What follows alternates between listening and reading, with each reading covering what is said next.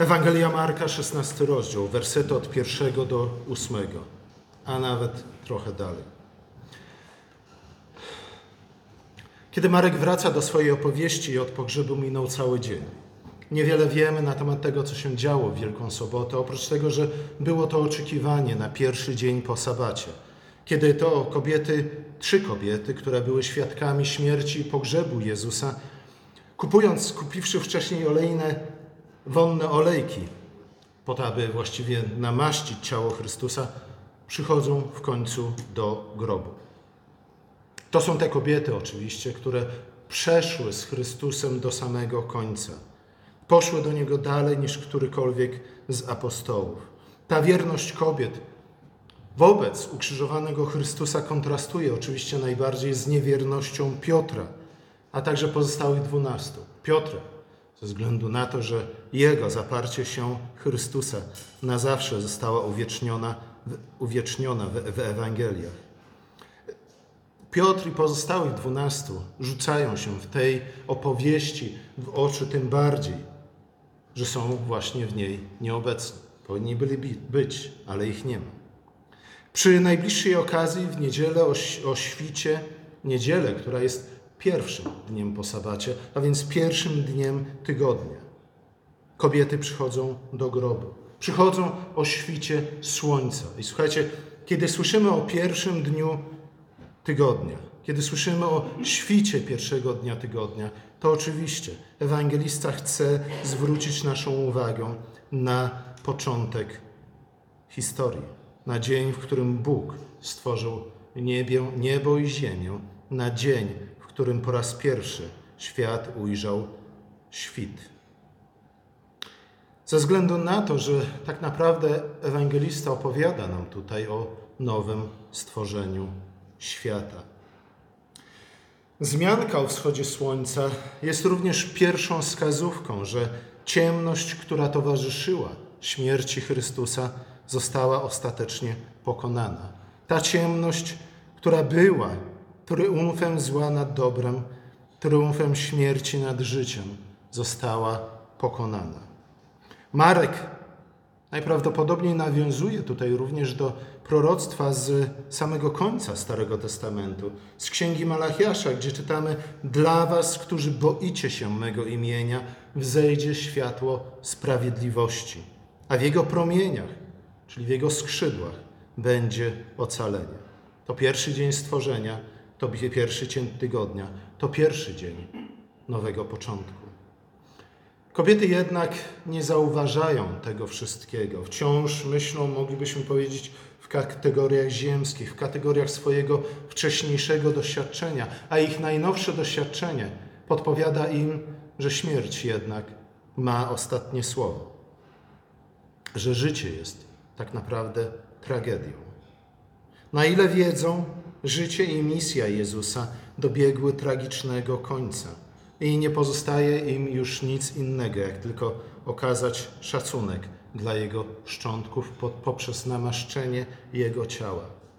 Jak powiedzieli uczniowie w drodze do Emaus, rozmawiając z Jezusem, choć nie wiedzieli, że to właśnie był On, a myśmy mieli nadzieję, a myśmy się spodziewali. A przecież On rozbudził w nas tak wielkie nadzieje. Myśleliśmy, że rzeczywiście uczyni to wszystko, co zapowiedział, a jednak umarł, przepadł, zginął, a wraz z nim cała nasza nadzieja. Przepowiednia Jezusa o Jego zmartwychwstaniu. Trzy zapowiedzi zmartwychwstania zupełnie umknęły ich uwadze. Tak apostołom, jak i również tym trzem kobietom. Teraz ich głównym zmartwieniem jest ciężki kamień, który zagradza im wejście do grobu Chrystusa. Ale znów jak całe pismo, również ten fragment powinniśmy czytać w sposób symboliczny, czyli nawiązując do tych, tego wszystkiego, co do tej pory znaleźliśmy w piśmie. Ta niezdolność kobiet do odsunięcia kamienia symbolizuje ich całkowitą bezsilność. Ba, bezsilność nas wszystkich wobec śmierci. Śmierci, która jest najbardziej nieuniknionym faktem ludzkiego życia śmierci, do której wszystko zmierza. Śmierci, która sprawia, że prędzej czy później porzucamy wszelką nadzieję. Życie pod władzą śmierci chyba najpełniej, najdobitniej jest opisane w Piśmie Świętym w księdze Kocheleta. Tam właśnie Kochelet stwierdza, iż budował, bawił się, świętował, ale tak naprawdę nie znalazł w tym wszystkim żadnego spełnienia ze względu na nietrwałość tych swoich dzieł. Prorocy w podobny sposób mówią o doświadczeniu życia ku śmierci. Mówią o domach, które budujemy, w których mieszka ktoś inny. Mówią o winnicach, które sadzimy, z których wino pije ktoś inny. Mówią o dzieciach, które wydajemy na świat, które odchodzą zbyt wcześnie. Kobiety spoglądają w górę i widzą, że pozornie to, co niemożliwe, zostało już dokonane. Kamień jest odsunięty. I znów to ma bardzo głęboką symbolikę. To sugeruje, ba, zaświadcza, że Bóg po raz kolejny wstąpił w tę historię, wszedł w tę opowieść po to, aby otworzyć grób. I to tym razem to otwarcie grobu nie jest otwarciem czysto i wyłącznie symbolicznym, ale jak najbardziej rzeczywistym. Kobiety wchodzą do grobu i zostają tam młodego człowieka, mężczyznę, najwyraźniej anioła. Wiemy to z innych Ewangelii, ubranego w białą szatę, w szatę odświętą, w szatę niebiańską, w szatę, którą nosił arcykapłan, wchodząc do miejsca najświętszego.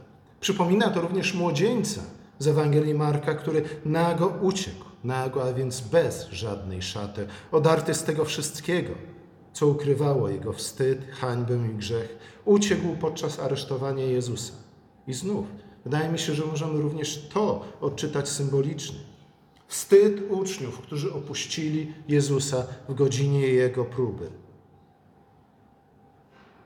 Niebiański strój tego młodego człowieka jest wskazówką, że również w tym przypadku Bóg wstąpił w historię, zainterweniował i odwrócił te wszystkie wcześniejsze niepowodzenia i porażki uczniów.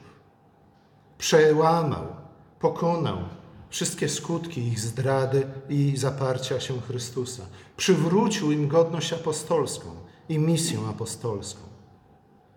Kobiety, widząc tego anioła, są całkowicie zdumione, są przepełnione cudownym zdziwieniem. Anioł uspokaja kobiety i głosi im paschalne orędzie, które od tej pory jest sercem przepowiadania Kościoła. Jezus z Nazaretu, ukrzyżowany, zmartwychwstał. To przesłanie podkreśla z jednej strony rzeczywistość męki Chrystusa.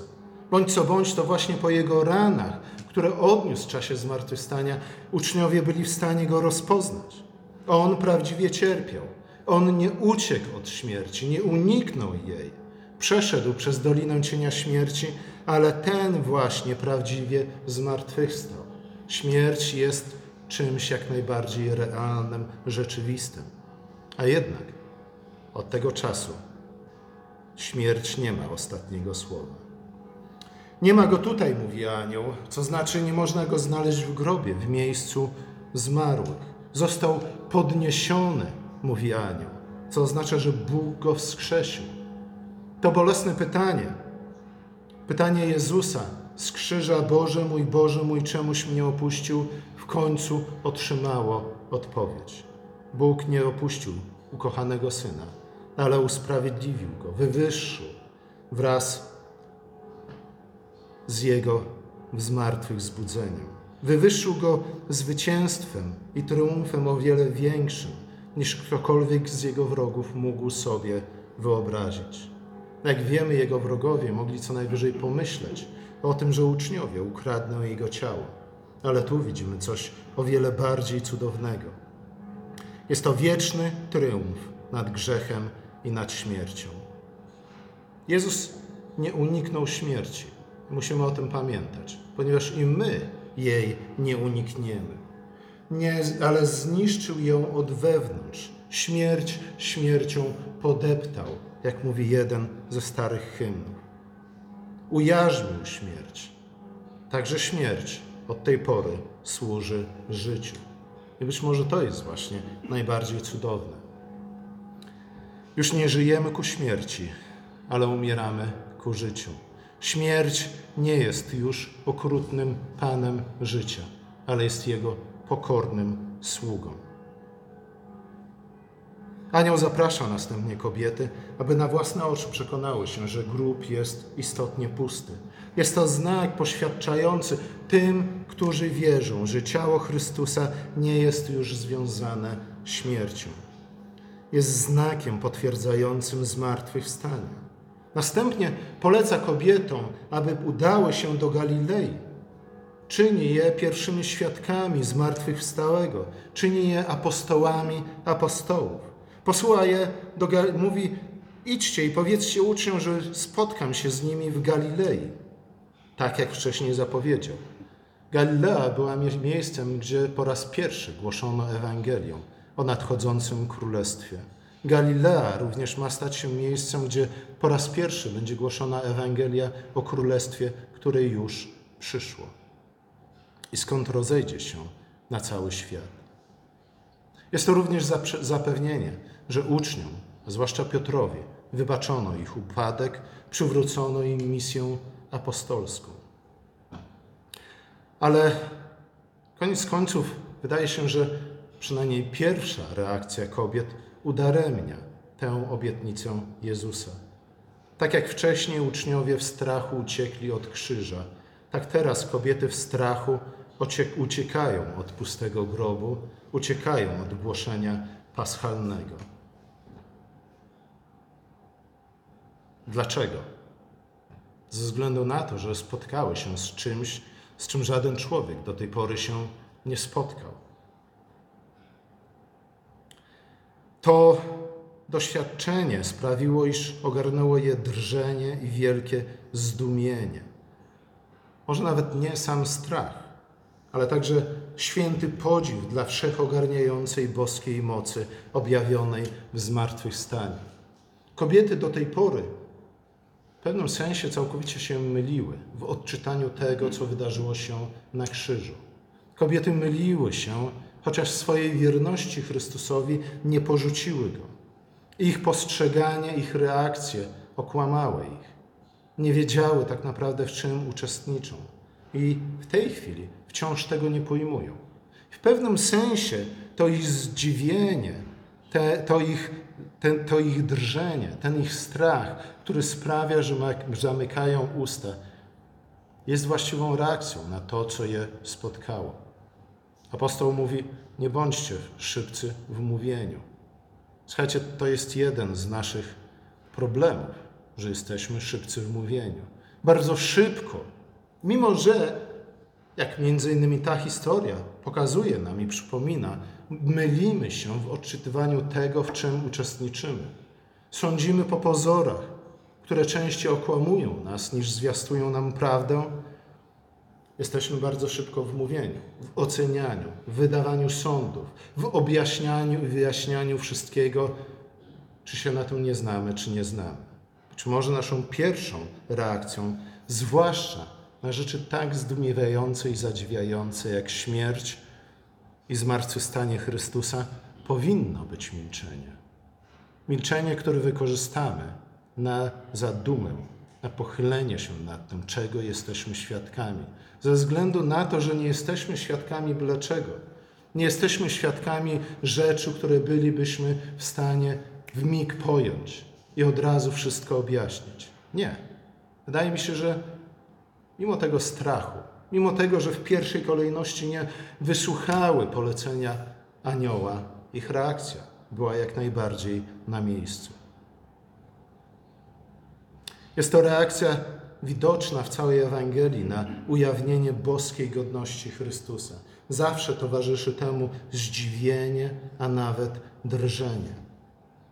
Kobiety jednak nic nikomu nie powiedziały i w pewnym sensie tu również widzimy pewną ironię, ze względu na to, że do tej pory Jezus zazwyczaj zabraniał tym wszystkim, których na przykład uzdrowił albo z których wyganiał demony, rozgłaszać, co się stało.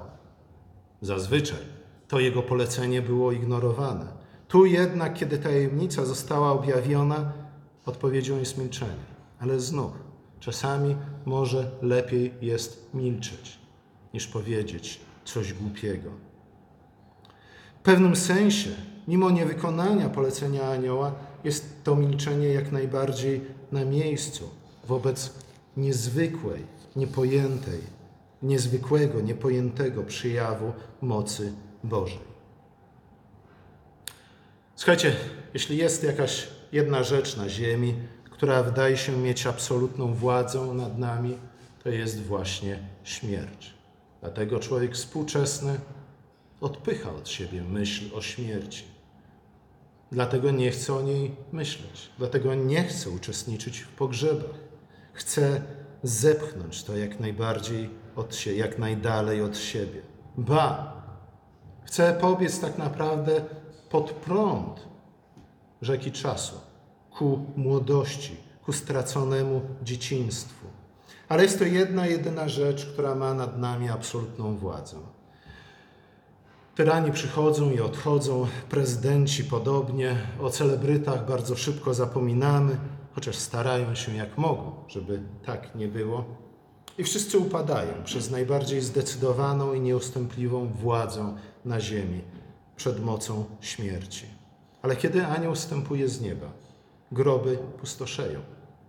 Po raz pierwszy w historii śmierć zwraca swoją ofiarą. Tak, Pismo Święte mówi nam o ludziach, którzy zostali wskrzeszeni przed Chrystusem. A jednak zmartwychwstanie Chrystusa bardzo istotny sposób różni się od chłopca, który został wskrzeszony przez Eliasza, albo też od łazarza, którego wzbudził Chrystus. Jezus zostaje wskrzeszony do życia, do życia, które od tej pory toczy się poza zasięgiem śmierci, do życia niezniszczalnego. Moce, które uciskają ziemię, zostają obalone przez inwazję nieba. To, co wyglądało na nieokiełzaną moc, przed którą nikt, żaden człowiek nie był w stanie zrobić uniku, okazuje się bezsilne wobec ukrzyżowanego. Z drugiej strony, to, co wyglądało na porażkę i słabość, czyli znów krzyż, staje się, zostaje przekształcone w potęgę. Kobiety są słabe, kobiety są zagubione, kobiety nie wiedzą dokładnie, jak reagować na to, co się dzieje. Są bezradne. Stoją i patrzą na Jezusa umierającego na krzyżu, bezsilnie. Patrzą, jak Jezus jest składany do grobu i oprócz namaszczenia Jego ciała nie są w stanie w żaden sposób Mu pomóc. Patrzą w końcu na zapieczętowany grób, na wielki kamień, którego nie są w stanie odwalić. Nic nie mogą zrobić. Są całkowicie bezsilne. Nawet kiedy anioł wstępuje z nieba, uciekają w strachu. Ale to nie jest koniec historii. Kobiety są słabe, ale martwi ludzie są jeszcze słabsi.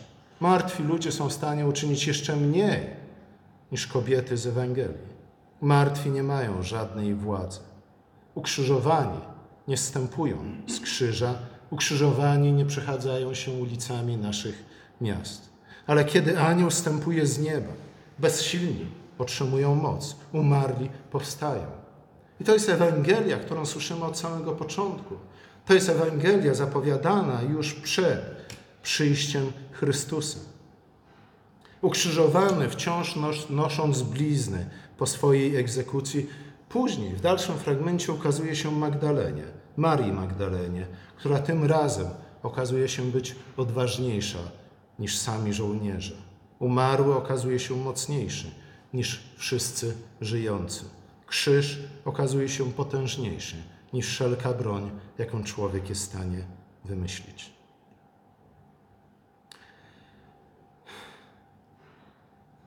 Skonfrontowani ze śmiercią. Ludzie zawsze marzą o nowym początku. Zawsze marzą, aby czas w jakiś sposób, w jakimś sensie popłynął w odwrotnym kierunku, abyśmy od nowa byli w stanie rozpocząć nasz żałosny spektakl historii.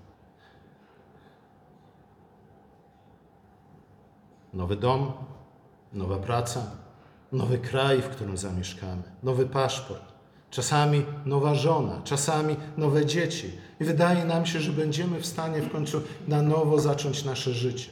I tym razem będzie ono wyglądało tak, jak powinno. Próbujemy zresetować, czy to naszą biografią, czy to historią narodu, świata. Młodzi odrzucają drogi starych. Od początku do końca tak było. Tradycje są głupie. Tylko światowa rewolucja, która zniszczy, zamieni w perzynę to, co do tej pory było, jest w stanie zapewnić nam nowy porządek, który w jakiś cudowny sposób okaże się być o wiele lepszy niż ten stary. W głębi serca wszyscy jesteśmy bolszewikami. Ci, którzy realizują te marzenia, nie daj Boże, są najgorsi. Zwykle kończy się to jeszcze większą ilością nie tylko tego samego, ale czegoś o wiele gorszego. W końcu jeszcze bardziej wzmacniają uścisk śmierci na życiu. Stary tydzień historii ludzkości, to wszystko, co do tej pory się wydarzyło, do krzyża i zmartwychwstania Chrystusa, skończyło się dokładnie w ten sposób. Chcieliśmy wszystko naprawić. Chcieliśmy wszystko poukładać tak, jak należy. Przez pokolenia całe. Jak to się skończyło? Krzyżem. Wypchnęliśmy tego, który jako jedyny mógł nas uratować z naszej nędzy. Wypchnęliśmy go z naszego świata na przeklęte drzewo krzyża. Ten, który przyszedł, niosąc nam prawdę, dobroć i piękno, tego się bezwzględnie i bez żadnych skrupuł pozbyliśmy. A marzenia o nowym początku, a marzenie o nowym początku zakończyło się właśnie w taki sposób. I od tej pory za każdym razem, kiedy sami próbujemy, czy to zresetować nasze własne życie, czy historię świata, kończy się to w ten sam sposób. Kolejnymi krzyżami, kolejnymi gilotynami, kolejnymi gułagami. Niech to będzie przestrogą dla nas. Nawet jeśli nie wierzymy w dosłowne zmartwychwstanie Chrystusa, niech to przynajmniej będzie dla nas przestrogą, abyśmy nie podążali dalej tą drogą. Ale ta otrzeźwiająca rzeczywistość nie powinna nas jednak doprowadzać do rozpaczy, ponieważ Chrystus zmartwychwstał. Grób jest pusty. Śmierć służy od tej pory życiu. Nie możemy sami cofnąć czasu. Nie możemy powrócić do rajskiego ogrodu i upewnić się, żeby tym razem Adam nie sięgnął po to przeklęte, po ten przeklęty owoc z drzewa poznania dobra i zła. Ciekawe, jakbyśmy chcieli to zrobić. Obciąć mu ręce, obciąć mu głowę, związać go. Ziemia nie może rozpocząć historii od nowa. Nie możemy cofnąć czasu i stworzyć jakiegoś nowego, lepszego początku. Ale właśnie to jest Ewangelium, że Bóg już to wszystko uczynił.